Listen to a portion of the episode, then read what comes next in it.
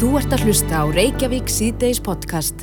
Er, er búið að mæla hvaða áhrif gengi þjóða íþróttum hefur svona á þjóðarsálina? Mm -hmm. uh, hún er sest hérna hjá okkur, Hafrún Kristjánsdóttir, sálfræðingur og profesor. Velkomin.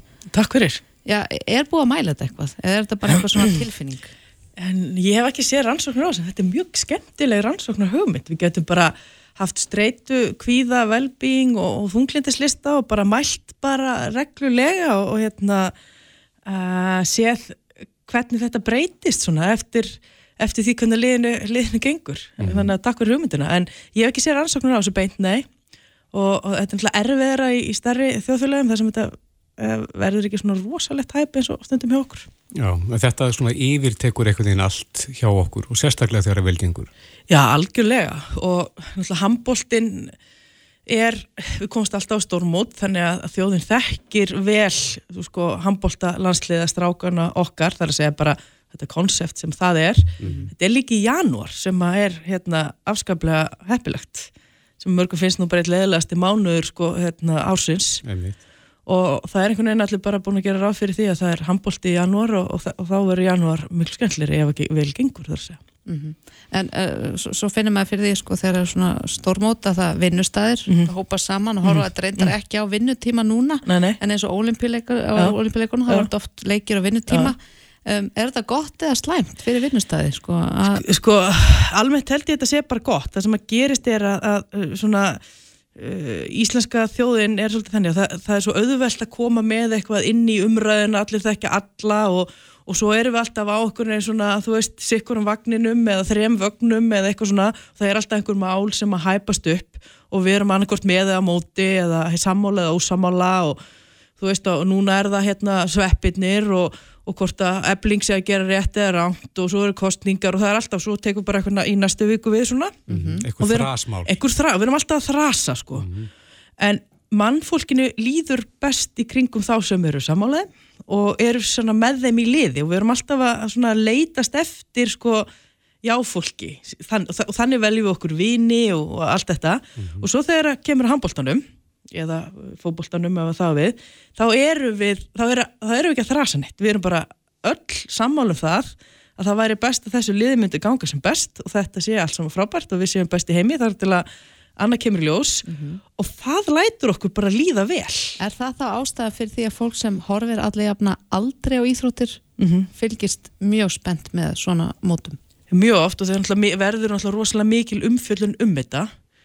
Uh, hún er eiginlega alltaf á jákvæða nótunum út af því að það, það er ekki þetta sko með á móti, samála og ósamála, þú veist, element sem fylgir þessu. Heldur erum við öll í sama liðinu og þegar maður er alltaf bara með fólk sem er með sér í liði kringu sig þá líður manni, líður manni vel mm, og þetta svona kemur svolítið inn á þjóðarstolti þegar okkur gengur vel já, já. þá erum við öll í sama liði þetta eru strákarnir okkar já. og, og þú veist og við erum, við erum alltaf nánast í íþróttum sko hérna hvað er þessi litlu hundurinn, Und, underdogs mm -hmm. þú veist og, og það er eiginlega alltaf þannig að, að hérna að jafnvel eins og núna við erum rosalega gott lið en það kæmi samt mjög óvart ef við erum heimsmeistarar svona, ef við erum að vera raunsæði þannig að, hérna, að við erum alltaf sko einhvern veginn að, að hérna, veist, allt sem við gerum er umfram bara eitthvað svona lámarka er gott. Svo oftast er það þannig í Íþróttum hjá Íslendingum. Mm -hmm. en, en ef okkur gengur ekki nógu vel um, hefur það einhver áhrif á svona andlega líðan eða getum við bara svolítið sagt skilja við þetta og þá byrja bara að þrasa í staðin Ég, sko, þú veist fyrir lang, eilan, nánast alla að þá hérna þá, það sem að gerist er bara maður er bara hundpyrraður og nennir kannski ekki að tala við neitt í, í, í klukkutíma og er alveg brjálaður yfir þessu svo bara áfram gakk sko Mm -hmm. fyrir maður bara að pæla í næsta og við getum þá bara að fara að þrasa um dagumál næstu viku sko. Mm -hmm. þannig að e, þú veist, þetta hefur áhrif á, á byrring kannski og, og eitthvað svona en, en það er ekkit sem að er eitthvað stórkoslegt sko, hjá, hjá sko, lang flestum. Mm -hmm. En það er meðvindur með liðinu núna og, og uh, margi sem að uh, ég eiga vona því að okkur gangi vel hvað áhrif hefur það á liðið og þjálfvaran þegar að, þegar að fólk er svona jákvægt og býst við miklu? Sko, það er svona öllu jöfnu, það er einstaklisbundið, öllu jöfnu setur það ákveðna auka pressu á hérna lið. Mhm. af því að ef þú ferð inn, inn, inn á, inn á hérna, mót og, og þú veist að það er svo sem enginn að pæla neitt í þér og, og það hefur enginn sérstakar væntingar til þín þá, þá ertu ákveð pressulaus frá utanakomandi faktorum, þú getur sett mikla pressu sjálfa þig þannig að það er meiri utanakomandi pressa. Sumir íþróttamenn ná að, að hérna, nota það sem bensín. Mhm. meðan aðrir e, eiga þá aðeins erfiðar með streytstjórnuna hvað það varðar.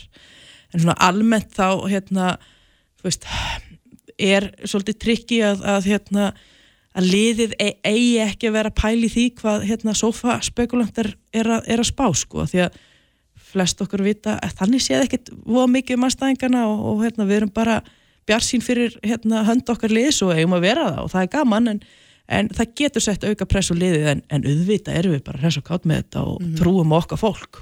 Ég, ég samt velti fyrir mér hvort að þjálfarar og þjálfara teimi þurfa að gera einhverja ráðstafanir þegar það er svona utanakomandi pressa uh, eins og bara mótið EM í fyrra, Mhm. það var engin pressa. Það var lítil trú eða svona við vissum ekki alveg þekktum ekki lið en núna þegar kemur þessu pressa þarf þjálfara teimi að gera einhverja ráðstafanir og kannski undibúa eitthvað öðru sig eða innlega einhverja nýjar æfingar? Ég er svona, þú veist, í fyrsta lega myndi kannski bara ekki vera að pæla mikið í þessu, tala lítið um þetta. Og að því að við erum með þarna leikmenn sem að er að spila í bestu dildum í heimi, uh, það er bara einn að fara á sitt fyrsta HM og eitthvað slíkt að þá myndi ég nú ekki hafa mikla ráðgjur að þessu, þeir bara eru vanir þessu uh, allavega frá þá sínum, sínum hérna, liðum erlendis, þannig ég svona held að þetta séu það reynslu miklu menn að, hérna, að þeir ætti alveg að geta höndla þetta. En maður myndi kannski fylgjast með því ef einhverjum þætti pressan, pressan óþægileg. þannig að við megum alveg svona vona og kannski segja það bara í beinni að við verðum heimsmyndstara Já, við, þú veist, liðið bara sér um sig, við hefum bara að hafa gaman og ef við erum bjart sína þá bara getum við alveg prjónaði yfir okkur í þessu, það er bara skemmtilegt. En talandum líkur, þú setti fæslinn á fjersbókin í dag þar sem þú ert að deila spálíkani sem að uh, Pítur, sem er profesor ekki við háskólan líka, Já, uh, hann setti þetta saman, búin að liggja yfir tölfræði. Uh Ertu til að fara aðeins í gegnum þetta með okkur? já Pítur og Dónhjóð er sérst, uh, sérfræðingur í, í, í hérna, framistöðugrein í greiningum íþróttum, mikill tölfræði gúrú.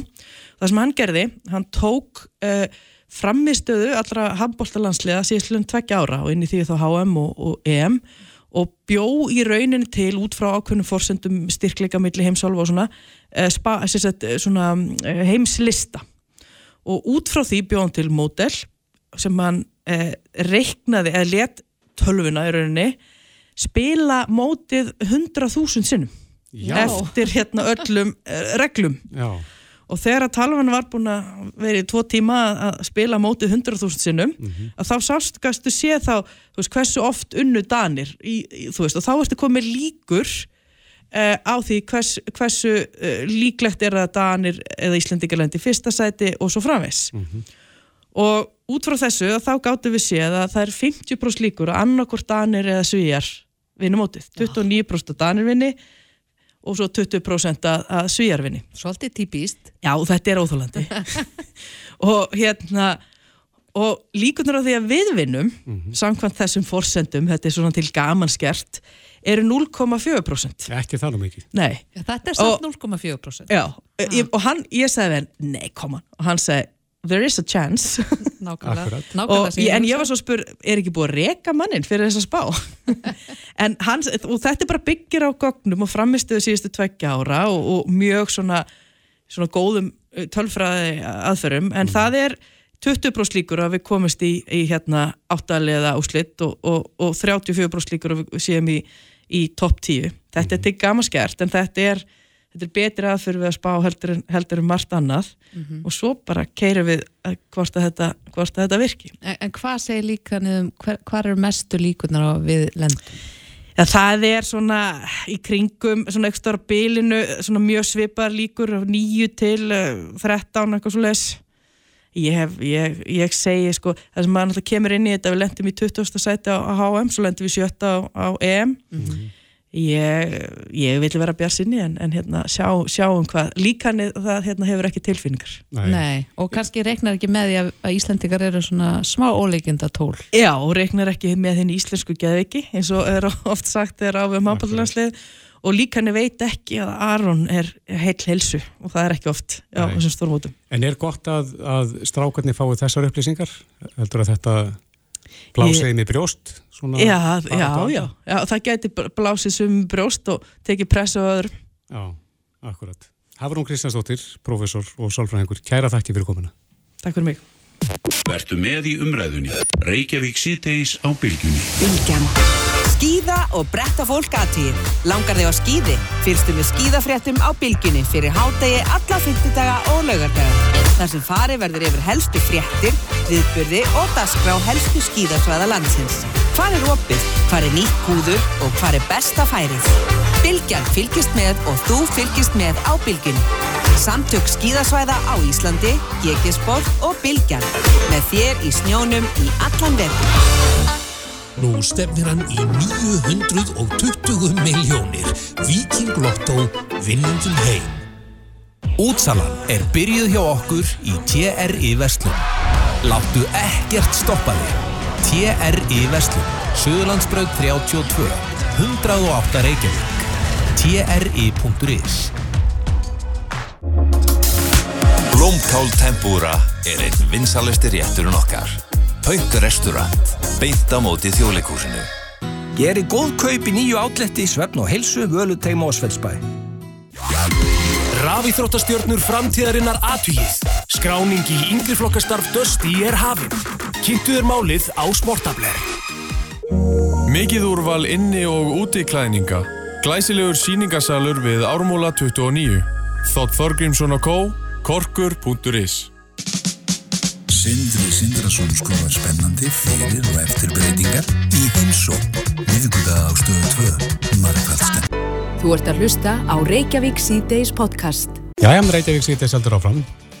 Eh, fæsla Viljáns Birgissonar, verkefliðsleit og formans SDS, mm -hmm. stafskunarsambansins, vakti aðtikl okkar en hann setti fæsluðin í gær og hún hefst á þessum orðum. Ég skal fúslega viðkjöna að ég hef verið stuðnismadur íslensku krónunar í gegnum árin en mér sínist að stuðningum minn við krónuna sé komin á leiðarenda.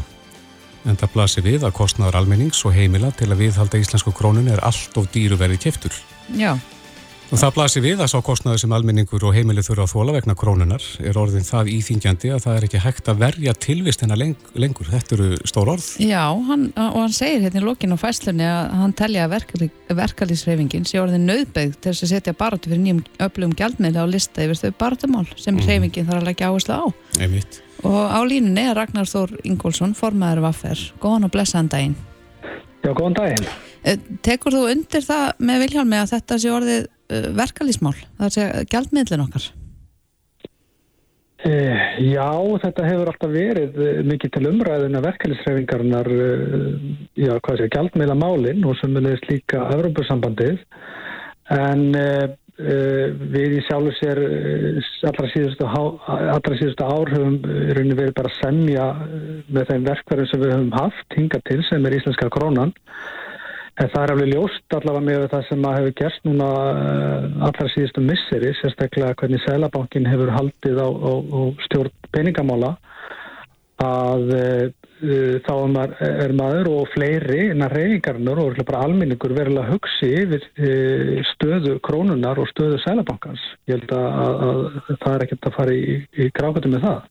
Nei. Eh, við gerðum hérna könnun eh, sem að hefur verið inn í síðasta sólaningin en á vísi.is það sem við spurðum hvað viltu gera varandi gjaldmiðilin og þar buðum við upp á nokkra möguleika. Og það kemur ljós að eh, minnilöttin vil halda krónunni 39,5% vilja halda krónunni. 28,3% vilja taka upp efru og gangi í ESB 20,4% taka einlið upp efru og svo eru 11,8% sem vilja taka einlið upp annan gjaldmiðil Uh, heldur að almenningu sé komin á þessa skoðun líka? Já, ég held að, að niðurstöður uh, þessara konnunar gefur það til kynna uh, alveg klárlega.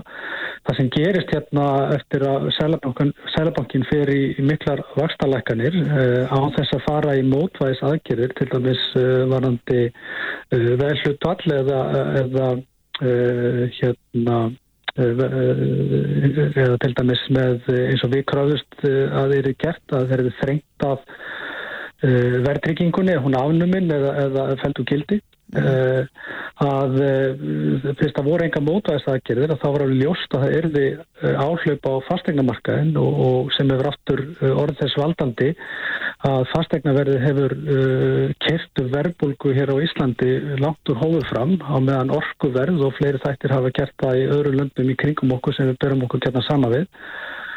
Og þessi hagst stjórnar mistök Sæðabankans, hvort að þetta voru mistök eða gert með ráðum eh, er ómögulegt að segja en, en, en Sæðabankastjóri eða peningastefnunum hefur ekki gengist við þessum mistökum sínum. uh, og uh, en hins vegar refsað almenningi grimmilega, almenningi og fyrirtækjum grimmilega fyrir uh, þessi mistök og með miklum stýrjáastahækkunum sem eru langt umfram það og einhver samræmi við það sem hefur verið að gerast í löndunum í kringum okkur þrátt fyrir það að verðbólka sé að mælast mun meira með uh, hérna uh, sagt uh, alveg byrja 11% í Þískalandi og svo, og, og, og, og svo víðar En, en ef við tökum húsnæðasliðin aftur á móti út uh, og notum samræmdi vísitöluna þá erum við með því lægsta sem að gerist hér í, í hérna á Íslandi ef við byrjum okkur saman við Európu. Mm -hmm. Þannig að uh, staðan er uh, umhersunaverð fyrir samfélagið allt og, og við verkaðisreifinguna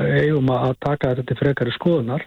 Uh, það eru kostur og gallar að vera með gjaldmiðil En eins og húnum hefur verið stýrt og eins og hann hefur verið notaður og það má alveg færa fyrir í góð rauk að hann hefur verið notaður kerfisbundi gegn hagsmunum almennings í landinu til að heitla undir með til dæmis útflutnisgreinum og, eh, og eh, fjármálakerfinu.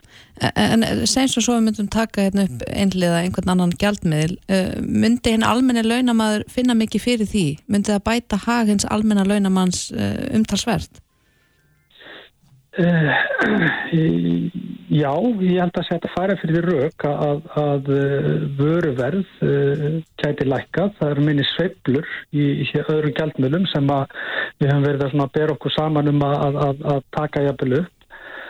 Minni sveiblur því það meiri stöðuleika og, og, og sömulegis. Það eru líka ákveðin vandamál sem hafa fyllt til dæmis efrunni, meiri atvinnuleysi og svo framvegis. Þetta eru kostur og gallar en Uh, ég get alveg tekið undir þessi sjónamið að, uh, að reyka hér uh, smámynd eins og krónuna. Eins og, eins og það hefur hef verið gert síðust ekki bara síðust ára ára tíi og við verkefliðsreifingunni þekkjum það vel þegar það voru kerðir hér kjærasamlingar fyrir nokkrum áratöfum síðan að, að það voru gengisfellingar nánast í afnharðan og, og, og, alla kjærabættur jætnar upp daginn eftir og vel rúmlega það Við erum í svolítið annari stöðu í dag en enga síður og þá er alveg ljóst að, að e, almenningu þarf að líða fyrir hagstjórnumistök selabankans og þarf að líða fyrir e, þetta eilífa degur við fjármálakerfið bæði í formi allt og harfavaksta og sem er líka braskið sem að hefur myndast í kringum gjaldmiðlinn. E, ég vona að muni allir eftir því þegar að fjárfesta fengi að koma hér á afslátt að kjörum inn í Íslands tagkerfi með því að, að, að kaupa krónur uh, í skiptum fyrir gjalderi og, og, og, og græða hér stórfið upplýsingar sem að uh,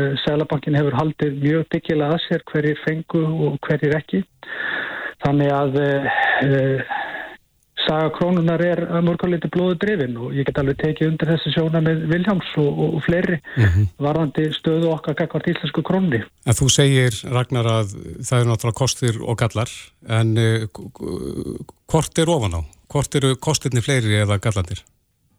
Já, með að við hvernig hafstjórnum hefur verið kringum íslensku krónuna að þá held ég að, að ég get alveg tekið undir þessi sjóna með Viljáms að, að Uh, þetta dekur í kringu krónuna og fjármagnið og, og sömulegis útverðnisgreinarnar að þetta sé einfallega að verða full reynd. Mm -hmm. Serðu fyrir að þetta verði hávarari krafa meðal verkefnisreifingarinnar uh, á næstunni? Já, ég get, ég, ég get alveg séð það fyrir mér. Við náttúrulega erum að berjast fyrir uh, betri kjörum uh, okkar uh, félagsfólks og sem að er nú sverskurður af almenningi í landinu og uh, við erum nú þegar hafin uh, núna, uh, við erum, búin, uh, erum byrjuð að hefja vinnu við núna að gera langtíma samnings og uh, vorum að hefja vinnu við bókanir og byrjum núna til dæmis 19. janúar að ræða um starfsmyndamálin og, og svo framvegis og svo framvegis og, og ég hugsa að, að þetta verður þetta verður eflust strætt. Mm Hvor, hvor gjald, eða hvaða gjaldnið er þið fyrir valinu að þínum mati ef að, ef að það er ákveðið að skipta út miðlinum? Ég skal ekki segja, það er sjálfsagt marga leiðir í þessu, hvort sem að það sé efra eða hreinlega að, að fara í einhvers konar fast gengi stefnu eða, eða, hengja krónuna eh, við annan gjaldmiðl eða, eða aðra gjaldmiðla. Eh, Það er sjálfsagt marga leiðir sem hægt er að fara. Eh, Ég er svo sem ekki með einhverja eh, sterkar skoðun á því eða laust. Við erum að vinna í þessu umhverfi í verkefælisreifinguna semjum kaup og kjör uh, með krónuna. Uh, það, það er í sjálf sér okkar, uh, hvað ég segja, uh, okkar gjaldmiðl að vinna út frá. Þetta er náttúrulega líka reysastótt pólitískt mál sem að, sem að kannski pólitíkin hefur þar líka svara hvert við ætlum að fara í gjaldmiðlamálum en, en það er alveg ljóst í mínum huga að, að eins og hvernig Sælabankin hefur farið með gjaldmiðlun okkar og, og, og refsa síðan þjóðinu og almenningi og fyrirtækjum með uh, sko mjög alvarlegum mistökum sem hann fer í á þess að fara í mótvæðis aðgerðir með miklum og bröttum stýrvasta lækunum að þá þarf bara einfallega að endur skoða þetta frá grunni. Mm Já, ef við snúum okkur aðeins að kjara viðræðum og þessar ákvörðun samningarnamndar eflingar að slíta þeim við samtök aðtunleifsins, hvernig metur þú stöðuna þar? Eh, Það er náttúrulega erfitt að meta kannski stöðuna að öðru litin því að, að eh, efling og eflingafélagar hafa sinn sjálfstæða samningsrétt og, og, og okkur ber að virða þennan uh, samningsrétt. Uh, alveg og aðrar stjettir og aðrar uh, atvinnugreinar hafa sjálfstæðan samningsrétt. Við í, í stjórn og samningarnend Vaffer við höfum stutt ykkurlega á bakvið uh, félag okkar í öðrum stjætafélagum eins og kennarasambandið, uh, starfsfólki í, í, hérna, heilbriðskeranum, uh, hjúknarfræðinga, uh, sjúkraliða, ljósmaður, flugfregi deilunni. Við, við munum styðja öll félag til góðra verka í sinni baróttu og, og þetta verður Þetta verður erfitt en eins og ég segi, ég, við- getum ekki annað en, en sendt bara uh, öllum, félag, öllum félagsfólki eflingar bara baráttu og stuðningskveður í sinni vegferð og, og sömulegis líka bara vona ég svo innilega og ég held að sé nú flesti sammála með því að, að orkan fari nú í að landa góðum kjærasamningi en ekki í innbyrðis átöku. Ég er ósalega sorgmættur yfir þessari stöðu að þurfa að horfa upp á félagum mín að takast á og ofnbyrju vettvangi. Ég leiði mér að vona að, að, að fólk geti einbyrð sér að verkefni núna í friði og, og, og vonandi bara efling náðu bara góðum og, og myndalegum kjærasamningi fyrir sitt fólk vegna þess að að uh, ef að efling nær betri niðurstöðu heldur en uh, önnur félögin og starfskunarsambandsins, það mun nýtast okkur í komandi baróttu. Ég tek undir orð uh, Sverris Albertssonar, frangandastjóra APS, starfskunarfélags, sem að skrifaði grein á kjarnanum. Og þar er mitt lýsir af því að, að, að við eigum að, að- að styðja við það sem betur er gert vegna þess að það nýtist okkur síðan í okkar baróttu og ég nefni til dæmis uh, að að ein af kröfum okkar í, í viðræðinu sem er að hefjast núna um langtíma samning er til dæmis 30 dagur lof sem að ofnbyrju félögur náðu fram í, í sínum kjærasamningu síðast og uh, það er auðveldara fyrir okkur að fara fram með slíkar kröfur fyrir okkar félagsfólk ef að aðrir hafa náð árangri þannig að ég óskar bara samningarnend og sérstaklega félagsfólki eflingar góðs gengis í, í, í komandi bartu. En ef þú lítir í baksinnspeilin og, og við spólum aftur í, í kjaraviðræði sem voru núna fyrir áramót, uh, voru því vaffrið þá kannski aðeins að fljóta á ykkur, hefðu átt að býða aðeins með að semja þessa skamtíma samninga? Uh, nei, ég, það var, uh, við vorum saman um það í samningarnemdini að uh, það eina í stöðunni var að leggja það sem var á borðinu uh, í dóm uh, okkar félagsfólks og valkostinni voru alveg skýrir að annarkort að samþykja það sem í bóði var. Við töldum að lengra var ekki komist með, með, með skamtímarsamning og við lögum það einfallega í dóm félags, uh, félagsfólks okkar og, og, og hann var samþyktur með yfir 80% aðkvaða og, og ég held að okkar fólk hafi alveg gert sig grein fyrir því að, að fella slíka samning. Því einfallega að það er farið í átakafasa. En þetta er stöttu samningur og, við hefum nú þegar hafið viðræður um nýjan langtíma samning. Eh, það gerist mannus bara strax og við erum séð með tímasetta áallun með næstu mál. Hins vegar núna 19. janúar hefur við viðræður um starfsmyndamálinn. Uh, eh, svo strax í byrjum mass fyrir við að ræða orlofið, styrtingu vinnuvökunar og, og fleiri þætti og svo framvegs og svo framvegs. Þannig að við erum með tímasetta áallun um uh, langtíma samning. Þannig að við erum í tímaböndna ástandi. Mm -hmm. Rétt aðeins í blálógin, þú setti fæstluna fjöspókinu þar sem þú ert að tilgreina að Vaffer og Íslandskir aðalvertakar hefði skrifað undir samstafssamning um uh, þróun og byggingur leigu íbúða. Segð okkur örstuðt frá því. Já, þetta er alveg, þetta er tímamótaverkefni. Við hefum verið að þróa Uh, blæ, nýtt uh, leigurfélag sem er ætlað uh, til fjárfestinga svona langtíma fagfjárfestum eins og lífur í sjóðum og Vaffer er fyrsta félagi sem að fjármagnar fyrstu íbúðunar í þessu nýja félagi sem er samstarfsverkefni ASI og BSRB og, og við í Vaffer höfum fengið að leiða það, þá vinnu. Og þetta er að fara í gang og við erum að hefja framkvæmdi núna í byrjum mass 36 íbúður og, og, og sækja síðan fleiri lóðir. Þannig að þetta er gríðala stórt og mikið verkefni og, og mætti fá meiri aðtegli fjölmila uh, að mínum mati vegna þess að þetta er það sem að vantar inn á húsnæðismarkaðin, það eru leigufélög sem að byggja hafkvamar íbúðir og eru fyrir alla hópa, ekki bara uh, lálænafólkið en þar hefur við verið í mikil uppbyggingu inn í bjargi, mm -hmm. en þetta er nýtt félag og, og félag sem að í sjálf og sér getur byggt fyrir gamla fólki líka Uh, og uh, byggt fyrir mun svona breyðari hópa fólki uh, kauplegu byggt og selt hagkvæmt. Þetta er allt, allt ennur hugsun þó hún sé nú af, af, af norrætnu og euróskri fyrirmynd. En þá er þetta tímamóta verkefni sem við erum að fara með að stað og ég er alveg gríðalega stoltur af því að þetta hafi nú tekist að lokum. Þó þetta hafi verið í, í tæp fjögur ári í undirbúningi að þá, þá er ég gríðalega stoltur af því að við loksins komið þessu formlega að stað og nú er bara að sækja áfram og sækja fleiri lóðir og, og, og, og sjá til þess að, að, að, að allt þetta íbúðamaks sem á að byggja næstu árin sem að hleypur á 20.000 íbúða að það fari frekar í þessi félag og verði fjármögnuða lífyrirsjóðunum en, en fari ekki í einhvers konar brask eins og hefur verið eh, umlikið íbúðamarkaðin hinga til. Mm -hmm. Þannig ég er mjög stoltur að þessu verkefni og, og, og, og það eru bjarti tímar framöndan og húsnæðismarkaði. Þetta tekur auðvitað tíma, þetta er ekki margar íbúðir í fyrsta skreðun en einhver stað þarf að byrja og við allavega uh, hérna, getum allavega verið stolt að því í vaffer að taka fyrsta skreðið í þessu. Já, þetta er gott mál. Við fylgjumst áfram með blæ. Uh, Ragnar Þór Ingólfsson, formar vaffer. Takk kærlega fyrir spjallið. Bara kæra þakki sem við leiðis. Send okkur tölvupóst. Reykjavík at bilgjan.is Föstu dagar eru ædol Þetta er Reykjavík C-Days podcast.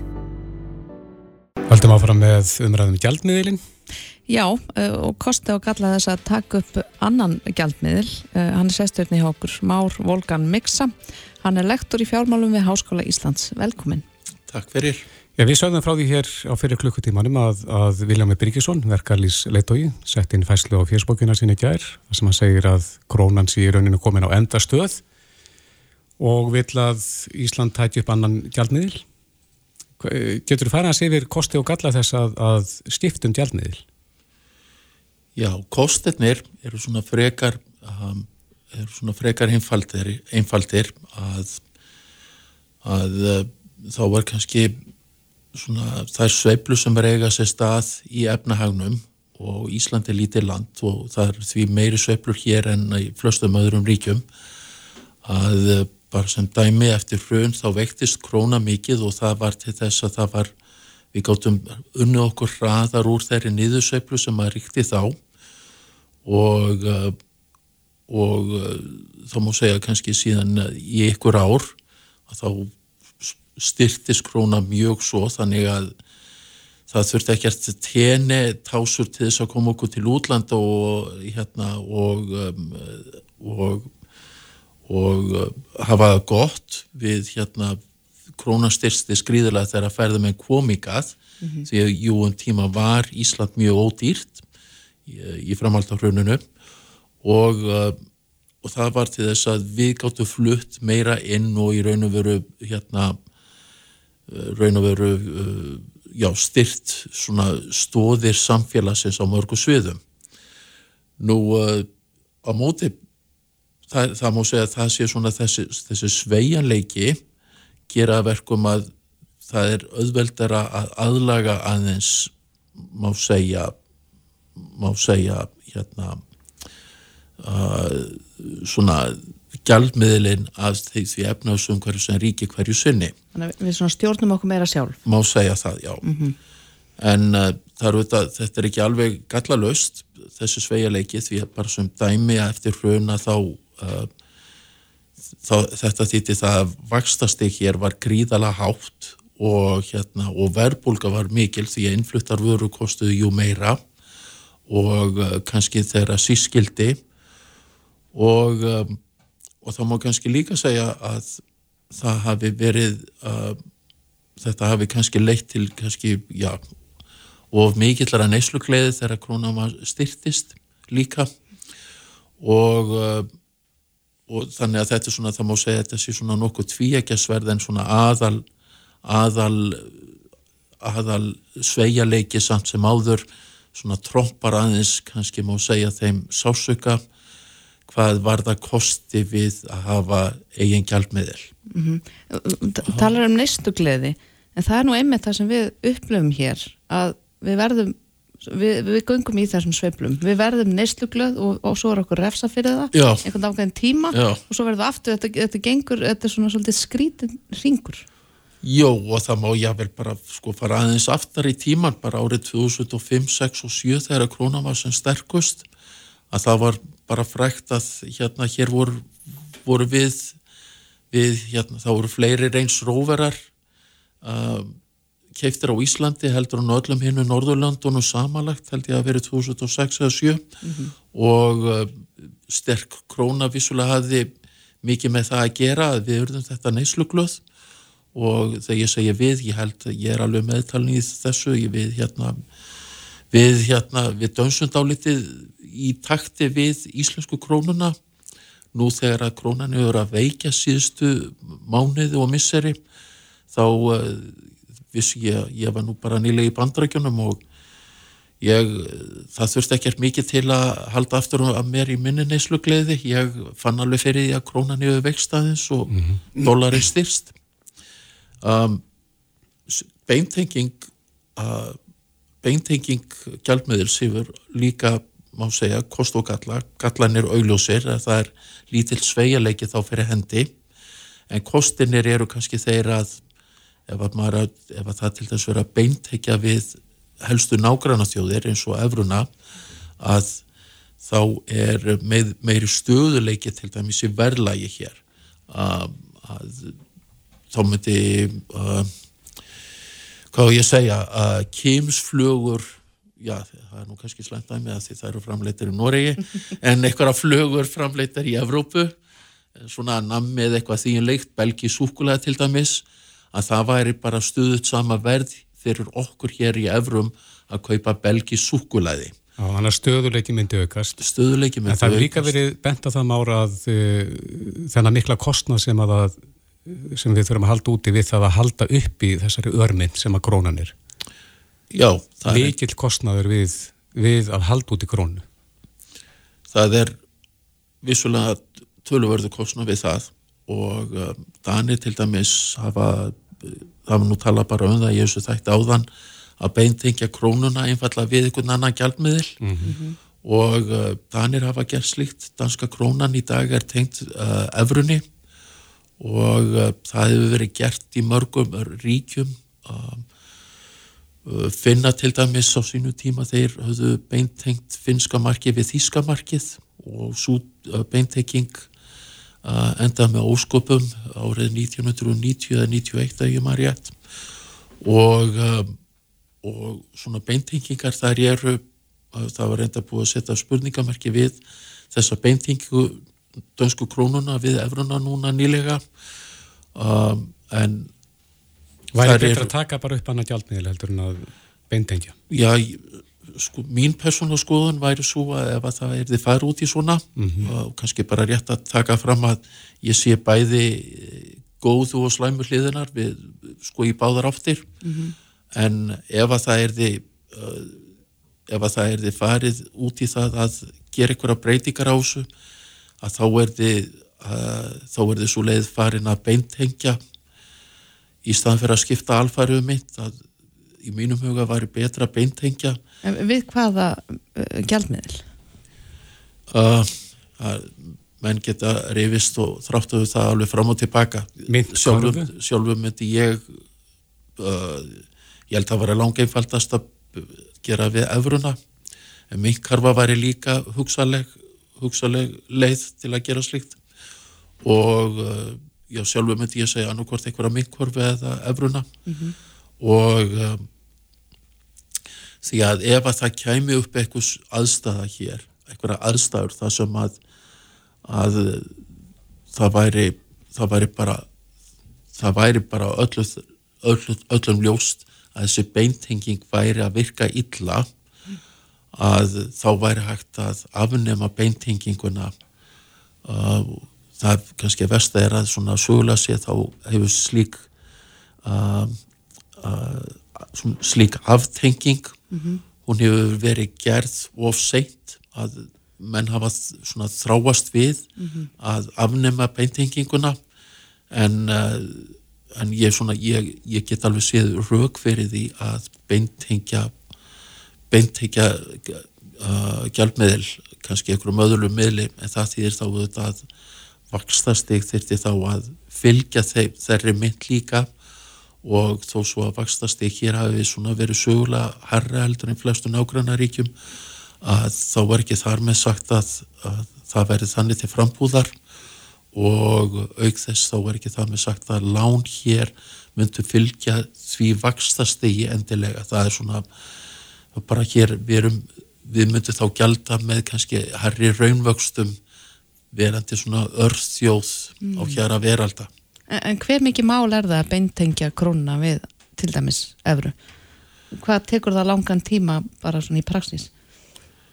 um, kannski rétt að taka fram að ég er ekki alveg, ég er ekki sefrengur í þeim málum en, uh, en ég, ég get ekki séð að það tæki í sjálfu sér neitt gríðilega langa tíma þetta er tildulega einfalt mál að fara út í einhvers konar beintengingu það þurfti bara að vera búið að setja upp bara helst í mínum huga þá væri það helst bara hvaða varnagla væru til staðar í raun og veru bara hvern ákveða hvernig við færum út frekar en hvernig við færum inn. Það er í raun og veru hægt að ákveða það bara með einu pennastriki þannig séð að beintekja eitthvað, gjaldmiðil við eitthvað aðra mynd. Já. En hvers, hvers hagur er það mára að halda úti krónunni? Hver, hver græðir á því? Ég... Um, Þegar nú er, er krónunni handstýrt þar að segja menn er að eigða háan fjárhæðum í það að, að verja krónunni. Að verja krónuna. Já, menn voru reyndar ekki að verja krónuna þessi svona, hvað var ég að segja, þessi, eh, þessi góða ár árið hérna 2015, 16 og 17. Nei, en þegar eitthvað var þá var verið að koma í veg fyrir að króna myndi styrkjast of mikið þegar að Íslenskt hagkerfi var ekki, það má segja að það hafi verið svona ákveðið svona mikil viðbrið fyrir okkur Íslendíka þegar að hér allt í hennu voru bara, voru bara hérna, fólk í miðbæ Reykjavíkur og reynda bara það sem ég á heimi í miðbæ Hafnafjörðar allt um að heyra reglulega í töskuhljóðum, þetta er svona glúk, glúk, glúk, glúk, glúk þegar að töskuna voru að hérna á leiðinni á leiðinni í, til útlanda og Airbnb íbúða í kringum manni. Og uh, þá var Söðrabankir í raun og veru hann var að kaupa gjald, hann var að veikja íslensku krónuna, kom í veg fyrir styrkingu. Þannig að hann var svona að reyna, má segja, hann hafi á þessum tímabili verið meira í því að, að veikja krónuna. Og það er einfallega gert til þess að halda ákveðnu svona stöðuleika í krónunni til þess að minka sveiflunar og í dag hefur hann, er hann, jú hann er að styrkja krónun í dag en uh, það er auðvitað, það, hann er að gera slíkt að því að hann getur, jú, er búin að byggja upp ákveðin gjalderis forða um, en en bara hvað, sko, hverjir græða, hverjir hagnast á þessu, ég, ég veit ekki til þess að það sé ykkur einn hópur manna sem sé kerfisbundið að hagnast á þessu, ef einhver geti bent mér á það þá er ég alveg tilbúin til að hlusta á það. En uh, ég, ég mér vitalega þá var ekki þá var ekki slikt fyrir hendi og uh, þetta er nú það svona kvikull markaður að já ég bara þekki engan, hvorki á mínu ferli sem bankamaður í 15 ári eða, eða fræðumadur í álíka langa tíma hef, uh, hef uh, komið auga á mann sem hefur verið að stór græða og ekkur á gjaldiris viðskiptum. Nei, en að þínum að það er svona rétt í lokin hvort eru kosturnir eða gallarnir fleiri við það að skiptu mynd? Uh, veistu þetta er nú bara, hjá mér er þetta bara svona þetta skiptist þá bara til helminga ég hérna blóðið og blóð mitt er svona ég, að, já, hjarta ég fer ekkert, hjarta mitt fer ekkert að slá neitt hraðar neða hægar við að heyra um umræði eða rúksendir í hvor áttina sem er mm. þetta er þetta er hérna ég, ég held að ég, ég séð góð sjónamið frá báðu hliðu séð. En kannski ef ég mætti koma einu að og það er það að þegar slíkt er gert þá kannski að þá ætti frekar að líta yfir tölvert langan veg. Að það var það vildi allir strax eftir hrun að það voru mjög hávara rattir að beintekja efruna þá, þá var krónan mjög veik og hefðu við þá gert eitthvað tengingu. Það hefði verið slæmu tími. Það hefði verið slæmu tími í mínum huga að gera að krónan var sem sterkust 2015 og 16 og kannski núna þegar krónan svona, er svona tiltvöla veik með við undanfærin ár að þá mötti ég setja spurningamerki við það ákværat í dag en... Þannig að við þurfum að þá krónan þarf að þá að vera stöðu í einhver tíma til þess að þetta skilja einhver ég, Já, í mínum huga þá þurft að líta til einhvers konar meðal já, einhver, einhverja væntinga um um svona um, já, eitthvað svona meðaltal að króna sé á okkur réttu róleika hvert þeirri mynd sem við tengjum við á þeim tímapunkti. Já, verkalýsreiningin hefur sett þetta mál á dagskrá, það er ljúst og telja þetta vera verkalýsmál en Már Volgang Miksa, lektor í fjármálum við Háskóla Íslands, kæra þætti verið komin. Ég þakka fyrir mig. Þetta er Reykjavík C-Days podcast. Já, þá er klukkan án hálf sex og vinsalasta fréttin dag mest lesna á vísi.is ber fyrirsögna maður sem skrifaði afdreifaríkustu frétt fjölmjölasögunar og þannig verði að vísa í uh, hlaðvarpstáttin Eftirmál mm -hmm. og viðtal við Andra Ólásson uh, fjölmjölamann sem er nú reyndar upplýsingafulltrúi landsbytalans Já, passar uh, og þar er verið að fara yfir þetta svo kallega Ísafjörðarmál sem kom upp á DF fyrir 16 árum síðan mm -hmm. Og er enn minnst á ennþann dag í dag? Heldur betur og Andri fyrir mjög vel yfir þetta hér og hægt að lesa svona uppdyktaða útgáfu af þessu viðtalin á vísa.is og þá útgáfu skrifar eh, Jakob Bjarnar Gretarsson, fréttamaður á vísi stöð 2 bilginu og hann er á línunni. Góðan og blessaðan daginn Jakob. Já, góðan daginn. Þið eru kvölda að vilja bjóða hlustendum ykkar upp á þessa rödd eins og staðan er í dag, ég fáru veikur inn að heima bara. Já, ég, já, ég sagði nú við því í síman á þann að þetta væri bara sérmyrandi. Maður segir ekki neymi því það er vist þannig. en, en þú veist náttúrulega af hverju við þurftum að snúa þessu upp á hendina þér. Það er að ekki bara skrifar þú upp úr þessu viðtali, heldur skrifar þú mestarrið gerð um þetta mál, gafst út bók já. og varst að vinna á Ritz og Diva á þessum tíma. Já, þannig að ég er nú kannski mitt alls ekki góður til þess að fjallum þetta líkuð að maður geti varla að horta á þetta svona hlutlöst eða úr fjallet já, já, ég var í húsinu þegar að hvað mest gekk á, allt var vittlöst Já, get, getur þú reyfað aðeins málið fyrir okkur, Jakob, hvernig þetta byrjaði? Sko, um, þetta er þarna í upphafi árs 2006 þá byrtist þessi þessi afdrifaríka frétt sem að Andri skrifar sem að fjallar um það að maður, uh, velkunnur maður fyrir vestan á Ísafyrði hafi verið kærður af tveimur uh, ungumannum þá fyrir að hafa brotið á þeim kynferðislega nöðgæðin þegar þeir voru unglingar. Mhm.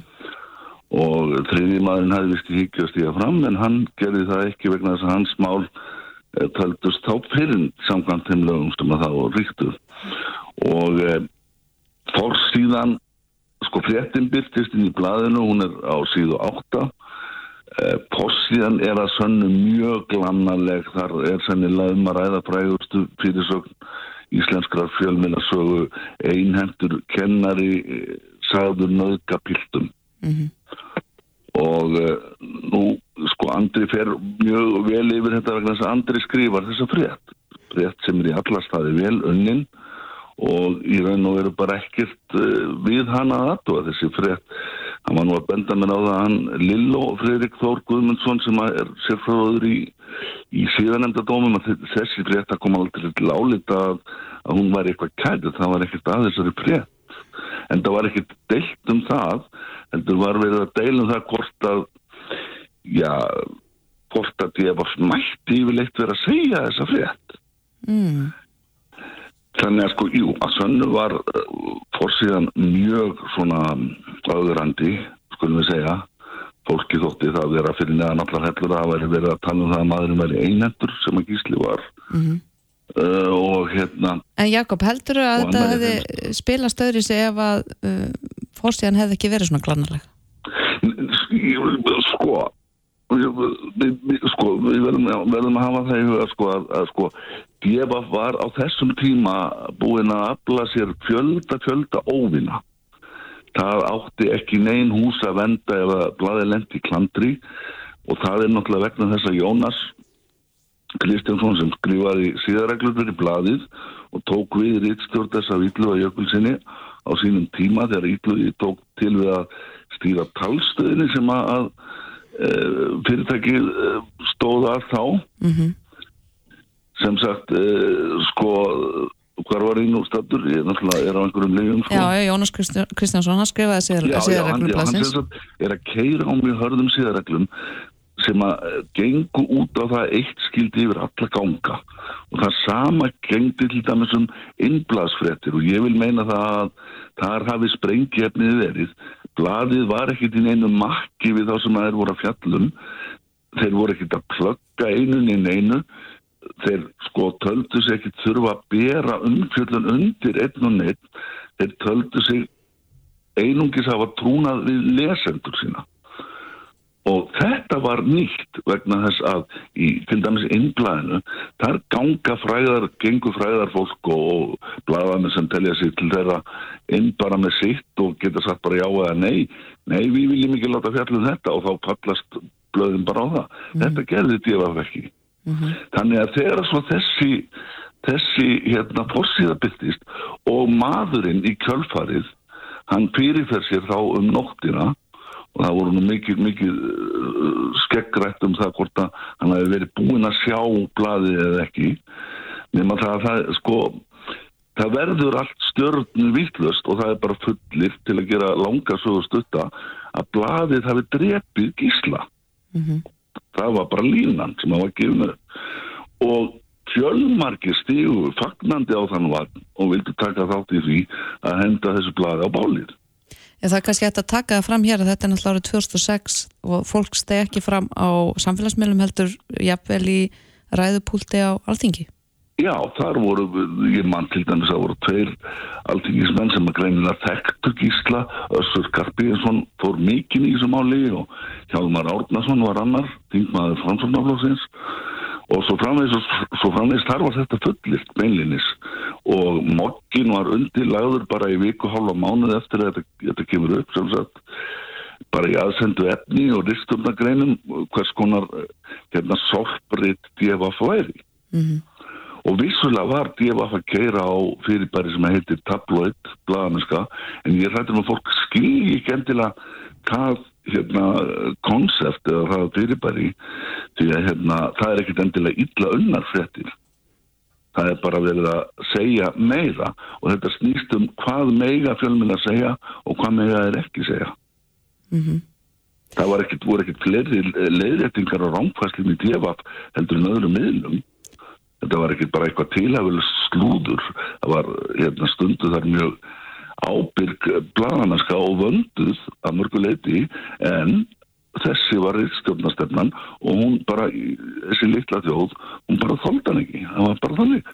Já og svo eins og Andri kemur inn á í þessum hlaðarpstætti þá náttúrulega fjall glæpur mannsins á fórsíðinu algjörlega í skuggan þar að segja þessi Já. drengir það var engin neitt sérstaklega mikið að spáði þeim Nei, þeir fóru náttúrulega mjög illa út úr þessu vegna þess að konsensusin var algjörlega þessi að bladið hefði drepið hérna uh, mannin og ef að svo vitlis á að gangu upp þá náttúrulega voru þeir orðnir partur af þeim glæp, skiljiði?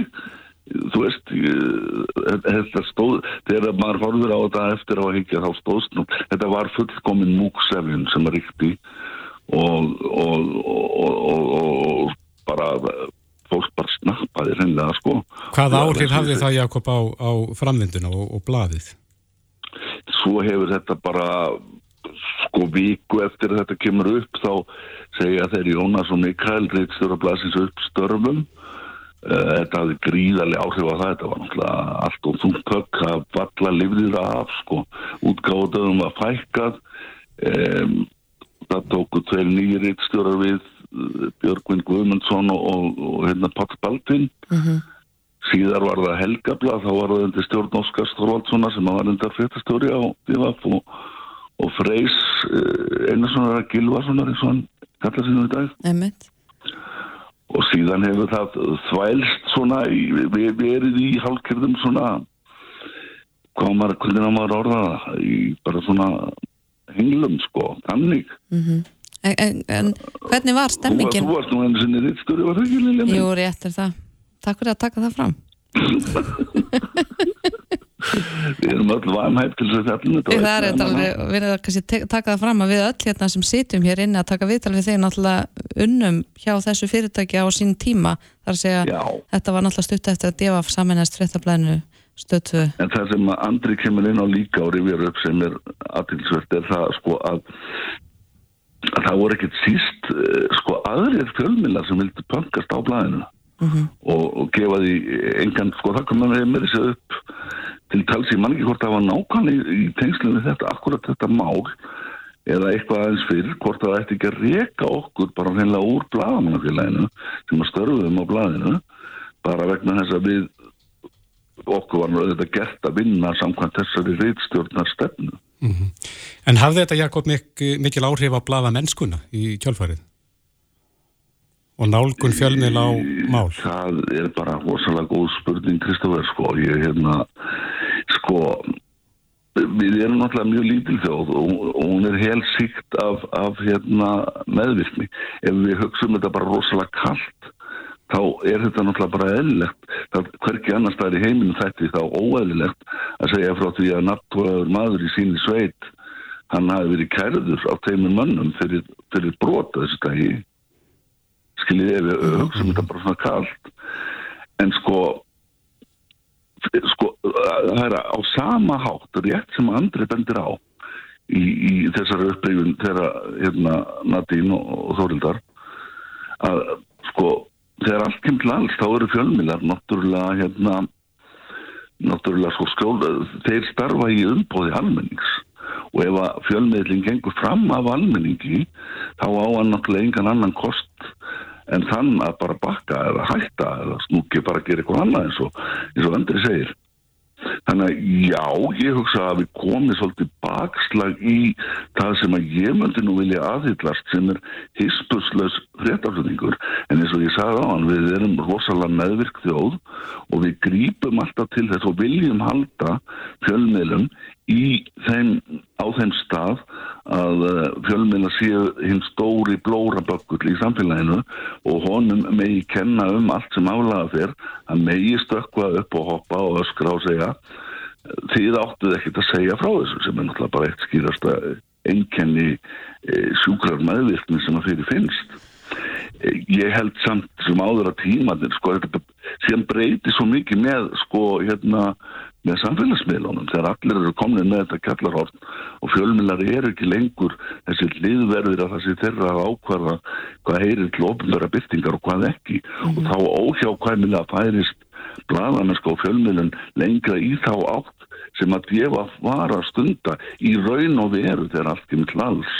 En Jakob, bara örstuðt og það tíminn er að hlaupa frá okkur heldur að svona lag geti, geti, geti endur tekið sig eins og það er enda síðasta spurningin í eftirmálun líka. Getur þetta gæst aftur nákvæmlega svona? Nei, ég hugsa það nú ekki sko, en hérna ég, átta mikið á því sko, ég átta mikið alveg á því, það eru náttúrulega það eru margan átt svona bóðvefli tímar sem að hérna þar sem að fólk er að hópa sér saman á netinu og er með alls konar hugmyndir um boykott og annað slíkt eins og var því var þurfti að horfa fram að hafa tekið úr öllum blaðastöndum og samtöku auðlýsenda skoruð á auðlýsendur að að auðlýsa ekki blaðinu. Mér er sér Björgúlu Tóri reyndi að kaupa blaðið bara til að leggja það niður. Það voru svo margi sem stukka á vagnin nei, ég hugsa að það þetta myndi aldrei gerast í, þessu rosalega óbóði en það sem mér finnst þetta merkilega stuð þetta og það er kannski þess vegna að þetta er náttúrulega ekki frétt, þetta er bara samantækt, þetta er upprifjun, þetta sem að, þessi samantækt mín sem að byrtist á, tíu, á vísi í dag, sko. En hérna, eh, þú veist, þetta bara, eh, ég veit ekki eins og því hvort ég ætlaði þessa hugsun minna, eins og ég var nú hérna ólegur. Herri, ég held að við verðum bara að leifa þér að fara að leggja þig. Uh, Já, tíminn er ég- búinn líka og svona. Þú, ja. að, þú mátt bara hugsa vel um þig Jakob Bjarnar Gretarsson og við vonum bara að batni fljótt og öruglega. Já, er, ég nú manni það. Já, ok. Að Sko, sko, þetta er eins og þegar maður er í heroin hérna rússi eða geti ímynda mér, ég hef nú ekki verið í sjálfur. Það ver- það kemur, eða svona einhver, einhver ölvunar ástandu, það kemur æði og rennur æði á mannskapin. En sko, eftir að kurl fara að koma til grafar í þessu máli, að þetta sé nú, hafi nú verið svona eins og þetta var og hafi ekkert verið að þessu þá vilja vola fáir sem að kannski skamma sín eftir fyllir íð að hafa brjálast og tjúlast og hoppa á ná vagn á sínum tíma og með þessu óbóði þá vil fólk voðalega lítið um þetta tala sko. Ég vorði var við það líka eftir að menninir tveir stigur svo fram þeim voru dæmdar einhverjar hestubætur sem þekkjast úr þar tilgerðum bótasjóði fórnarlampa þeirra sem hafa orðið fyrir kynfyrirsóbeldi Þannig að sko, ég held að við ættum að reyna að læra þessu máli en ég er ekki tvoðala bjart sýtna á að við, við gerum það. Nei. En það má hlusta þennan þátt viðtali við andra eftirmál uh, inn á vísi.is en Jakob Bjarnar Gretarsson, blaðamaður, kæra þakki fyrir þetta. Já, þakk ykkur og gangi ykkur allt í aðeinn. Reykjavík síðdeis á Bilginni podcast. Já, við heldum áhræðin í Reykjavík síðdeis og við rákum augun í áhugaverða frétt inn á vísi.is í dag Mhm. Eh, þar sem eh, um úrskurð persónuvendar um að Google skuli fjarlæga ákveðnar vefsíður um mann sem gegnir stjórnarstöði í samfélaginu úr leitavelsinni. Þessi maður sérst hafði kvartað til Google Mhm. þetta náttúrulega tengist inn í réttin til að gleymast Eh, Google hafnaði beðnumannsins en eh, persónuvend eh, fekk þessu fram og úrskurðaði um þetta að þessar síður skildu gleymast. Einmitt og Helga Þóriksdóttir, fórstjóri persónuvendar er komin til okkar, velkomin. Takk fyrir, kella. Ja, þessi réttu til að gleymast, hversu sterkur er hann og hvað liggja mörkin? Já, já, það er nú málið. Þetta hérna, byggist alltaf á ákveðnu mati út frá ákveðnu viðmið. Þannig að e, þetta ég reynum að segja hafi svona í upphafi skýrst e, 2014 þegar Evropadómstólinn tók fyrir e, mál sem að varða í Google e, á Spáni og e, þá var það köpsíslumæði sem að lendi í að þegar honum fannst mjög ósvangjartir í gam, gammallu umræðu um uh, atvik eh, sem að hafi áhrif á eh, hann sem fullorðin einstakling. Hann hafi verið ungur og, og hvort það var eitthvað, eitthvað smá uppbóð eitthvað slíkt sem hann hafi lendi sem að, að, síndi ekki rétt að mynda af honum mörgum áru síðar sem köpsíslumanni eh, nú síðan eh, má segja nýja persónundalögjöfin sem er ekki lengur ný eh, heldur bara í rauninni styrti þá sem að fyrir var og, og er samt frá 2018 að hún svona í rauninni gaf líka svona ákveðin tón hér. og um, það er þá í rauninni þannig að, eh, að ákveðnum skilirðum uppfylltum þá getur fólk óskað eftir því að ákveðnum leitar niðurstöðum sé eitt Mhm. eh, og uh, það sem að, að, að þarf að vega og meta eins og ég segi matið að það er eiginlega þetta Um, hvað má segja að uh, almenningur eigi rétt á að vita uh, um í upplýstu samfélagi og hvað ekki Mhm. og hversu viðkvamar eru þessar upplýsingar fyrir einstaklingin sem undir eru og, og, og hvað ekki og síðan fyrir við útvikum dagins frekar uh, gegnir einstaklingurinn uh, ofinbyrju starfi er viðkomandi að gegna embættismanna stöðu í sínu samfélagi Skiptir það máli? Já, Minkar það líkunar á, á því að, að fólk megi gleymast Já, að það er það er í rauninu stuttasvari þannig í rauninu hafi einhver gengt ofinbjör embætti Mhm. eða gegnir nú, nú ennþá e, nú eða er í, einhvers konar stjórnunarstöðu eða annars konar starfi sem að þykir skipta máli Mhm. að fólk þekki fortíðina nú er til, til dæmis tengslu stjórnmála þáttöku Uh, hverja viljum við tefla fram sem fórustumönnum okkar þjóðar. Það er bara þetta sem fólk á, uh, er talið uh, eiga, eiga rétt á að vita um Mhm. þegar við til dæmis kjósum fólk í fórustu. En eins og í þessum máli þá veldi ég fyrir mér að, af hverju það gerist að Google kemst að einni niðurstöðu en persónuvend annari. Já, það er þetta kannski með lögfræðina og, og uh, matið sem er að bakvið hlutina. Þetta er stundum, uh, ég get maður sagt á ákunni gráu svæði, það er stundum hægt að, að leggja meiri vikt á eitt og minni vikt á annað. Mm. Og, og þarna er það Google sem kennst að þessari niðurstöðu og persónuvend síðan af annari. trompar ykkar niðurstaða Okkar Google? niðurstaða trompar það. Og þetta er í rauninni persónuvendar löggjöfin nýja sem að, að, að segir í rauninni þetta að, að, að einmitt aðilar sem að hafa eftirlit með fólki á ES-svæðinu Mhm. að það á þennan rétt og sem sagt í rauninni Íslendingar geta byrjað að leita til Google til dæmis að, að byrjum að vef leitar niðurstöðum sé- að þe- þær séu fjarlæðar. Nú ef það gengur ekki þá er hægt að leita til okkar og það var í rauninni þetta að það sem fólk býr starfar eða, eða já það, það er svona helstu, helstu atriðin sem við lítum til þannig að fólk getur leita til okkar. Hvað flokkast undir leitar niðurstöður? Er, er, eru fréttir sem að tengjast á viðkomandi, eru þær fjarlæðar? Eða er það bara að þessi möguleiki kemur ekki upp þegar það er slegið inn í Google? Já það er þetta sérst að, að, að fólk getur nú hafa fengið eh, heilmikla umfjöllun um sig Mhm. en það eru ákveðnar fréttir sem að, að, þykja mögulega vega og of hart að einstaklingnum og engalífi viðkomandi Mhm. um aldur og æfi. En viljið þið þá að fréttin sé fjarlægð af Já, það, það er það sem að þetta gengur út á að, að rétturinn til að gleymast er ekki algildur heldur í rauninni það, það einskorðast á við ákveðna frétt sem þykir ekki sína einstaklingin í réttu ljósi. Þannig að ef að þessi frétt eh, segjum sem svo að hún var skrifin inn á vísi.is uh, virkar þetta þannig að þegar ég leita þá kemur hún ekki upp í Google niðurstöðum en hún er ennþá inni á fjölmiðlum eða get, getið þið skikka fjölmiðla til þess að eigða út fréttum Eh, Sko þetta í rauninni gengur út af því að aftengja leita niðurstöðnar. Þannig að þetta er, þetta er leitar, mög, leik, leitar fítusin ef ég leiði mér að nota það, Mhm. það orð sko. Þannig, Þannig að- að, það, hefur verið látið duga í þessu umhverju þannig að þetta er sérst, þannig að djúbleit gæti ennþá fundið möguleg eitthvað fyrir þá sem að hafa góða þekkingu en þá þarftu orðið góða þekkingu og, og annað. Þannig að, að þetta er sérst í rauninni leitar vélarnar, þeim ber að verða við þessu og aftengja fréttinnar. mm um, Hver algengt er það að fólk leiti réttar síns og þess, þennan hátt? Veistu það? Ég er ekki með tölutnar fyrir Evrópu uh, en, en ég veit að þetta er náttúrulega atriðið sem að fekk heilmiklu umfjöllun í kringum 2018 og á þetta er reynd og ég meina fólk er að lenda ímsu á lífsleginni þannig að, að þetta er réttur sem ég held að að fólk viti meira um heldur en áður og, og það kemur ekki óvart að það, þetta er eitt af því sem er þið látið áreina meira heldur en uh, minna. En hefur reynt á þetta áður hjá ykkur? Hef, Já, þetta já. fyrsta sinn sem að Nei, þetta... nei, nei, nei. Og hvernig hefur síðan gengið að, að fá Google til þess að vinna máli áfram? Já, þeir eh, hafa orðið við okkar niðurstöðum þegar að svona byrja undir.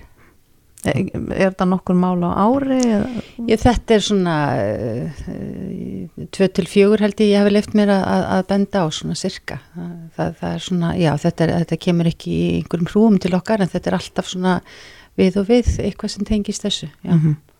Og er, er, fær fólk yfirleitt sín framgengt? Nei, það er ekki endilega svo. Mm -hmm. Þannig að þið hafi hafnað uh, beðinni fólks Já. En það stendur væntalega á fólkinu sem sækir um eða leitar þessa réttarsins að raukstiða málsitt vel. eða Að sjálfsög og, og, og, og hvort sem fólk kannski raukstuður eða ekki þá erum við bara bundin af ákveðnu viðmjöðum. Þetta er ekki gett út ákvarðanir. Þetta er bara reynd að, að, að, að framfylgja lögunum og þeim viðmjöðum sem við fengum frá bæði Európa-dómstólum og, og uh, í rauninni réttar framkvæmt má segja hafi líka skýrt þetta. Mhm. Þannig að, við sjálfsögðu fylgjumst með og, og sjáum hvað um er að ræða. Þannig að, sagt, það, það eru þessi viðmið sem ég nefndi og, og síðan er þetta tíminn frá því, uh, því atviki sem umræðir og hversu viðkvæmt var atvikið, hvað var þar friðelgi, engalífs viðkvæmdi og svo framvegs. Mm. Er eitthvað tímamörk á þessu? Hvar, hvar liggja tímamörkin? Það er ekki hægt að, það er ekki hægt að segja, algjörlega algilt og það er það sem er farið inn í, það er bara farið inn í hvert og eitt mál sem einstakt og það er bara metið út frá þessum viðmiðum. Mm. Það er náttúrulega gefur auga leið að, að, að, að sund bara veit maður, ég menna á hegningalögum við komum til lands og þá fer það náttúrulega eftir því eh, er þetta nöppli, er þetta árós eða þeim en alvarlega, það, það bara gefur auga leið að það fer eftir einhver leiti e, vægi þessu viðburðar sem um er að ræða, hvernig efnistökin eru Mhm. og aftur e, hefur viðkomandi algjörlega skipt um kurs og hefur atviki leitt til þess að viðkomandi er ekki vært á sama starfsviði heldur þar að flytja sem set og vinna í allt öðru eftir atbyrðin Mhm. Eða ekki, það, það, það, það, það, er svona, það er svona hluti sem er meðlans þess sem þarf að skoða. Já, um, er, er, rétt, er verkvallarnir þannig að fólk þarf alltaf að leita fyrst til Google en að leita til ykkar eða geti leita beint til persónuvendar á Íslandi? Það, það hefur verið mælt með því að, að fara fyrst í þann aðalega sem að þú ert ekki sáttur við, þann sem að býður upp á, á þjónustunni alveg eins og ef fólki finnst réttur á sér brotin í, í vinslu persónuupplýsinga hvað var það fyrirtæki að stopnarnir Mhm. en að samanskapi þá, þá er persónuvend alltaf leið hér líka fyrir fólk að nota. Getur þú skotið á hlutöldin? Það er að segja, er algengar að fólk verði á ósksenni sem leita til ykkar? Ef ég svona á að fara tilbaka kannski hratt sjö ár aftur í tímana þá er hlutfallið oftar þannig að það hefur ekki verið talið tímabært að, að, og ekki und að fallast á Nei, frekar heldur en hitt. tímin og skammur þá frá atbyrði. Já. Er það mikið vonbriði fyrir þá sem að leita réttarsins? Að bara sjálfsögðu, það, það er bara eins og það. Er, þannig að þetta er bara vand með farin réttindi sem að, að við þurfum að framfylgja og, og okkur er falið að gera, þannig að við bara nálgumst það af- eins mikileg varfarni og yfirvegun í hvert einasta skipti, þetta eru að sjálfsögðu þungmál fyrir einstaklingin en, en eftirstendur að, að ef að, að, að þetta eru sannanlega atvik sem eru rétt, Mhm. þá er þetta bara eitt af því sem að, að einstaklingar þurfa að kljástu við og, og þá kannski meira við sjálfa sig heldur en aðra. Já. Já, rétturinn til að gleymast, hann er greinilegt til staðar. Helga Þóristóttir, fórstjóri Personuvendar. Kæra það ekki verið komina. Takk fyrir mig. Reykjavík síðdeis á Bilginni podcast. Ég held að þegar við Íslendingar tölum um eitthvað sem við erum stolt af, Mhm. það er náttúrulega tungumáli, við tölum ekki um það. Jú, jú. En uh, svo er það náttúrulega íslenski hundurinn Já, sem að var nú í útrýmingahættu lengi vel. já, en hann hefur náð vopnum sínum og nú ser maður íslenska hunda út um kvipin og kvapin. Já, en svo eru það hestarnir. Já, af þeim erum við afar stolt af og Já. þykja væntum. Einmitt, en er hann alveg sérstakur í sinni röð. En uh, ég rakst á uh, frétt í morgunblæðinu um miðjan desembermánuð, Mhm. þar sem að var verið að tala um uh, þyngd knapa. Emmitt, ég held að hafi margir staldra við þegar þeir lása þessa frétt. og það var verið að tala um það í þessari frétt að ef vinnureglu sem nú eru til umræðu í Evrópu verða almennt viðurkendar þá gæti þyngd knapa á íslenskum hestum orðið að hámarki 70 til 80 kíló. Það er ekki mikið. Nei, þetta myndi þá útiloka vantala marga. Emmitt, ég, ég, ég býst fastlega við því en uh, til þess að ræða þetta aðeins við okkur er hún Guðrún Jóhanna Stefansdóttir dósent við hestafræði til Háskólands og Hólum á línunni, góðan og blessaðan daginn Já, já, komið sæl og blessið og, og, og takk fyrir að hafa áhuga á þessu málefni. Já, er annað hægt? Þetta er, þetta er skemmtilegt mál, en, en þú þekkir nú íslenska hestin hansi vel og hefur gert rannsóknir eða það ekki á burðarþóli hestins. Uh, jú, ég, hérna, ég var í, í doktorsnámi við uh, Landbúnarháskólan í Uppsala í Svíþjóð Mhm.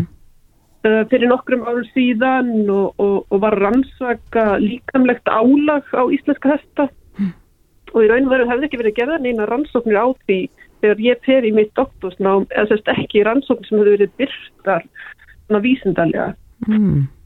einmitt og, og ein rannsókn sem að við gerðum sem sagt, samstarf milli háskólas og hólum og, og landbúrun háskólas var að, að skoða áhrif af misnóti þing knapa á, á hversu erfitt væri fyrir höstin að bera knapa mm. og, og hverja voru svona helstu niðurstöðnar ykkar? Uh, við vorum svo satt með fullorna, reynda, reythesta, uh, skólahesta sem eru notaðir hérna við háskólan og hólum og, og vorum með átta hesta og bara einn knapa, svona en mjög góðan knapa mm -hmm. um, og við ákvæmum að auka þingdina með því að bæta við blí, blí, blílóðum mm -hmm. og ástæðan fyrir því að við gerðum þetta var að við vildum bara hafa einn svona ein, einn reyðstíl þegar hver knapi hefur sinn reyðstíl og við vildum einangra á því að þingdini Já að, að, og við settum þetta með svo, við reyndum að halda öllu eins mm -hmm. og við startum svona próf, reyðpróf eða tjálfunapróf sem við settum hestana í og, og höfðu reyndum af allt eins, sama hraða, sömu gangtegund og eina sem við breyttum var að bæta aukinni tínt á hestana. Mm -hmm. Já, já. Og hver var niðurstafn úr þessu prófi ykkar? Já, hún var svona eins og við áttum von á að, að í raun og veru náttúrulega var erfið meira eftir sem tíndin jógst á hestana. Mm -hmm. Uh, við vorum að, að, að þetta voru hestar sem voru í góðu tjálfunur ástandi og, og hæfilegu holdafari fyrir reyðhesta, það er nú eitt af þess að skipta mála þeir ekki með fullt af auka tingt bara í fytu og líka mannum réttis og fólk það eru þetta aukið erfiði fyrir hestana mm -hmm. en, en, en að, við vorum að setja á þá knapa sem var frá svona 70 kíló og upp í uh, 100 og 30 cirka mm -hmm. það var mest tingdi sem við settum á þá sem það var svona cirka 35% af, af þeirra eigin ting Og gáttu þeir vel borið 130 kíló? Já, það sem kom í ljós með tennan hópa hestum í, í því testi eða prófi sem við lögðum fyrir þá var að þeir réðu vel við þessa ting og, og ég myndi segja að það er kannski ekki heldur komið okkur óvart í að, að í raun og veru hefur íslenski hesturinn verið valið bara fyrir því að, að vera góður í að bera knapa bara alveg markvist í 70 ár, myndi ég segja. Já, hann er, hann er harður af sér. Já, hann er harður af sér og hann er sterkur og, og til dæmis komið ljós í þessar rannsókn okkar að, að það er ekkit endilega starri hestar, allavega innan þessa hóp sem við skoðum var það ekki starfnin sem var einu og sér afgerandi upp á hvað var auðvilt fyrir hestan að bera tungan knapa. Mm -hmm. en, hvar, er, en er þá hægt að segja að, að þingd knapans liggi á einhverju byli? Hvar, hvar eru mörgin? Hvenar hættir hesturinn að þóla þingdina? Það, það, það er ekki kom, komið svo langt að við getum í raun og veru sagt um það Mm. Og, og það eru þetta mjög jákvægt að, að menn svona hafi áhuga á þessu og, og, og vilji vita um þetta en þetta er ekki eins einfalt menn halda að, að að setja einhverja eina tölu það eru svo margir þættir sem hafa áhrif. Mm -hmm. það skiptir náttúrulega mjög mjög máli í, í hvaða álag er verið að setja hestana. Hvað á að ríða hratt, hvað á að ríða langt hvað á að ríða lengi. Uh, síðan eru þættir eins og uh, hversu góðan búnað ertu með, ertu með góðan makk sem dreifir þingdini vel. Uh, það hefur líka áhrif hvernig hesturinn ber sig til líkamsform hessis mm -hmm. þannig að hvernig hesturinn kann að bera knapa líkamsbeiting hessis og, og, og, og það þarf að kenna hestum að bera knapa þannig að þetta eru gríðarlega margir þættir sem hafa áhrif Ég býst nú líka við að skipti máli að hestarnir fái góða kvíld á milli útræðatúra eða keppna. Já, já, já. Það, það, það er svona samspil álags og kvíldar. Það er alveg hárið, það hefur áhrif. Þannig að það, þetta er floknara heldur en að sé bara auðvelt að segja bara þessi tala er tala sem við erum að miða við. Við erum ekki komið svo langt að eiginlega geta gert það. Nei, Og, spurningin er hvort þetta verður nokkur tíma svo einfalt að það sé að setja eina töl og allt því að, því að hérna, það fer svo mikið eftir því hvað annað álagt þú ert að setja heldur en tungan einan og sér á Mhm. hesti. Eh, Ég, ég mynda mér að það sé gott að, að, að opna þessu umræðu út allavega ég og örgulega fleiri sem er að hlusta hafa kannski ímyndað sér íslenski hesturinn getur bara borið hvað sem er í eins langan tíma og maður, maður kýs Já, það, það er náttúrulega mörg vantarlega á, á öllu sko og, það, það, það sem er líka mikilvægt er í þessu að vera með heilbriða skinnsemi og, og, og, og auðvitað að hafa velferð þessins í huga og já, menn eru náttúrulega að spá í þessi mál með dýravelferði í, í huga, en, en eru einhverjar hestalegur sem eru með einhver mörg á þyngd knappa? Já, já, það eru hestalegur sem eru farin að setja mörg og auðvitað með velferðin í huga og, og en, en það finnst mér svona, það er svona náttúrulega aðeins önnu nálgun heldur en að þetta sé sett eitthvað alþjóðlega eða heilt yfir allt sko, þá eru þær vantarlega að segja, setja einhver mörg út frá út frá sinni reynslu miða við þær ferðir eða það álag sem verða að bjóða hestum upp á. En, en auðvitað líka eitt sem að hefur komið mjög augljósni ljós í því sem við erum búin að gera er að hestar eru líka mjög sterkir. Og, og, og kannski væri betra ef að, ef að væri sett bara til einstakling í, í, í samspili við álægi sem á setja ný sko. Já, þeir eru mjög sterkir sem einstaklingar. Já, mjög Já. mikið. Það kom í þessar litlu rannsók sem við gerum. Já, en íslenski hesturinn er, er eh, smáhestur er það ekki, er hann, er hann sterkari heldur en kannski stærðin segir tilum? Sko, uh, smáhestur, um, við, við kallum hann alltaf hest. Það Já. er stömmul hefð og það er menning og hann er ein hesturinn í okkar landi. Einmitt. Þannig við kjósum nú frekar að halda okkur við að kalla hann hest. En Já. þegar þú talar um smáhestur að þá er það kannski ekki síst stærðin að það er svona alþjóðlega viðmiða hestar sem eru undir ákveðni stærð kallist smáhestar eða póni. En svo ef við horfum á hann út frá öðrum, öðru sjónar horfni, til dæmis hversu mikill reyðhestur hann er, hversu, hversu svona afkasta mikill, viljugur, kraftmikill, uh, fjölhæfur á gangtegundum, að þá er miklu eðlilega að kalla hann hest heldur en smáhest. mm Þannig en, en er hann sterkar en við höldum þar að segja með við stærð Mér, ja, hann er ótrúlega sterkur og öflugur og, og svo er hann náttúrulega svo er hann náttúrulega mjög harður af sér Mhm. og, og, og það er alveg magnað finnst mér að- sjá, sjá til hans bæði í, í, í keppni og ferðalögum og ymsu hvað, hvað hann er sterkur og, og, og hérna hvað ræður við mikið en auðvitað eigum að vera skinsum, auðvitað eigum að hugsa um velferð, auðvitað eigum við að, fylgjast með heilsufari Mhm. og auðvitað á ekki að setja það mikið álag á nokkuð kátt að við séum að valda neikvæðum áhrif á, á heilsu.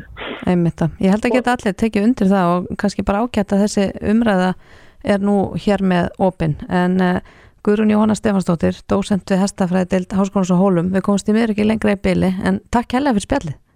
Og takk kærlega fyrir til ykkar. Hlustaðu hvena sem er á Reykjavík C-Days podcast. Jæja, nú er spennan að magnast. Heldur betur, HM í handbólta er að hefjast bara eftir örskamstund, bara núna í kvöld. Það var tengja okkur við Svíðjóð. Ég held það. Henry Birgir, íþróttarfréttamaður er á línunu, kom til sæl. Jú, komið þið sælublas. Já, er spennan ekki farin að magnast?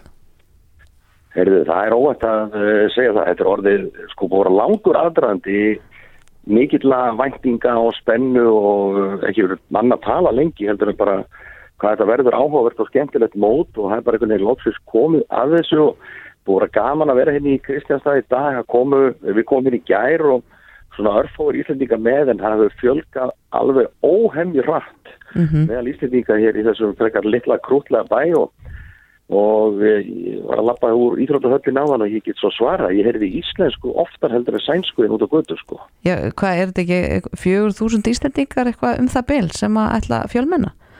HSI hefur selt eh, á leikina núna í riðlinum eitthvað um, um þúsund miða og það er fyrir utan sko e, þá sem að bara rætta sig sjálfur og þetta er svona minnsti kjæntistaðurinn í, e, á, á mótinu.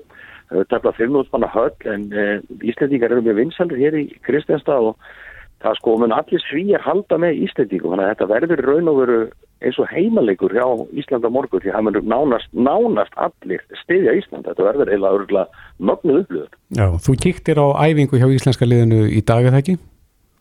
Jú, ég fekk að kíkja á þess að skemmtilegu höll í dag og strákarnir uh, voru að taka sína fyrsta æfingu, þeir komin hérna fyrir eitthvað senkt í gerkuldi frá Þískalandi þar sem voru að spila æfingarleiki og voru svona aðeins að hrista sig bara saman í dag og bara fá að prófa parkettið og skoða stúkuna og, og gefa viðtölu og allt þetta helsta og það er svo, svona, svolítið magna fylgjast með þeim sko, þetta eru svo, svo geggjaði drákar sko. Og bara það drýpur einhvern veginn af þeim uh, róleheitin, sjálfströstið sko þetta eru sko, strákar sem eru komnir ykkar til þess að gera stórkosla hluti og það er mikil press á þeim og oft er mikil press á íþróttahólki nokklar að það á til að bókna en sko með það að hitta í dag og svona tekið púlsinn að þá finnst þeir einhvern veginn andlega að vera svo ríkala tilbúinir í þetta ég, ég er ekki að farast og spenningi að sjá hvað ég geta búið okkur upp á þessu móti Já, ég segi það með þér sko en eru þeir allir líkamlega heilir?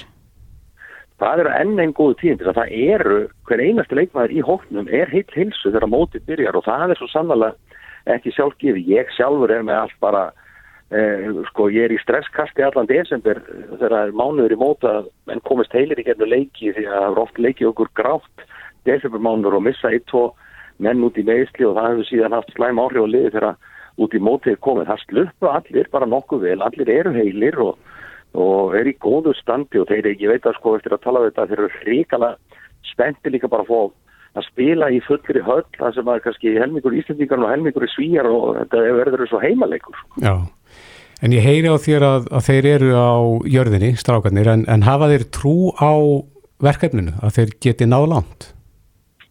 Já, það er það sem er, er svo flott við það. Þeir eru fullkóla meðvitað um það hvað eru svakalega góðir og hvað lið er orðið og rosalega gott og þeir eru sko bara á þess stað að þeir bara hafa trú að einn getu og þeir láta sér dreyma um velun og stóra hluti en samt þó sko eru þeir skynsam líka þeir gera sér grein fyrir að það getur auðvitað verið rosalega stutt á milli og það getur allt farið í skrúuna þeir vita það og trúa því að þeir eru með lið sem að getur farið já, bara mjög langt og reyna bara að spila um verðlun á þessu móti og ég, þeir kannski segja ekkert mjög hátt en ég efast ekkert um að það er margniðið þeirra, það er að spila til verðluna á þessu móti. En hvar heldur þú að þeir lendi? Sko ég heldur fara alveg 100% í áttalega úslit. Eh, þegar í áttalega úslitin er komið þá erum við bara komið í svona 50-50 leiki þar sem er bara anstæðingurinn er nokkur veginn bara á sama plani og þá bara spilur hvernig dagsformi er hverju sinni og Það er reyndar ansið líklegt að við fyrir með áttalega úrslit og þá mætum við dönum í áttalega úrslitum sem eru nú búin að vinna síðustu tvö heimsflöstra mót þannig að þetta er ekki beint í lukkupótinn með anstæðinga þar mm -hmm. En eh, okkur eru gengið samt vel með Dani síðustu ár og þeirra gamli þjálfar eru þetta að þjálfa okkur og fá þessi kunna betur að einhvern veginn uh, skipuleika leiki til þess að vinna Dani heldur Guðmundi Guðmundsson og sko ég spáði áttalega úrslitum og ég spáði líka að ef okkur tekst að riðja dönum úr vegi í áttara úslitunum að þá verður við hinsvestar. Já, Já, það er ekkert annað. Já, ég vona svo sannlega að þú verður sansbár. Já, ég, það er ekkert að ringi með þetta kleka samt, sko. Nei, akkurat, við vitum hvað, við vitum hvað árt heima, Henri. En eh, Henri Birgi Gunnarsson, þú verður okkar maður á staðnum og við höfum eftir að heyri þér þegar að líður á, á mótið. Kæra þakki fyrir þetta og bestu kveður út. Við segjum bara áfram Ísland. Áfram Ísland. Já, Lilja, herri, þá fyrir við bara að setja punktin hér. Já, maður þarf að fara að skipleggja hvað maður ætlar að hafa í matin annað kvöld, sko. Já, ma ég er hann svolítið peppar eftir þetta samtalið henni byggi. Ég reyndar er bara búin að vera mjög peppuð en ég ætla að tilæka mig samt hvernig íslenska landslið teklar þetta, mm -hmm. að vera peppuð en niður á jörðinni. Já, eitt leikur í einu. Aha. Já. Tökum við það, við minnum á það að viðtölun öll eru komin inn á vísi.ris, þetta hlusta á þau þar og í gegnum bylgju appið. Einmitt, Bræði Kristófur Lilja þakka fyrir sig í dag og við verðum hér klokkan fjóra morgun. Þanga til, góða stundir. Reykjavík síðdeis á Bylgjunni podcast.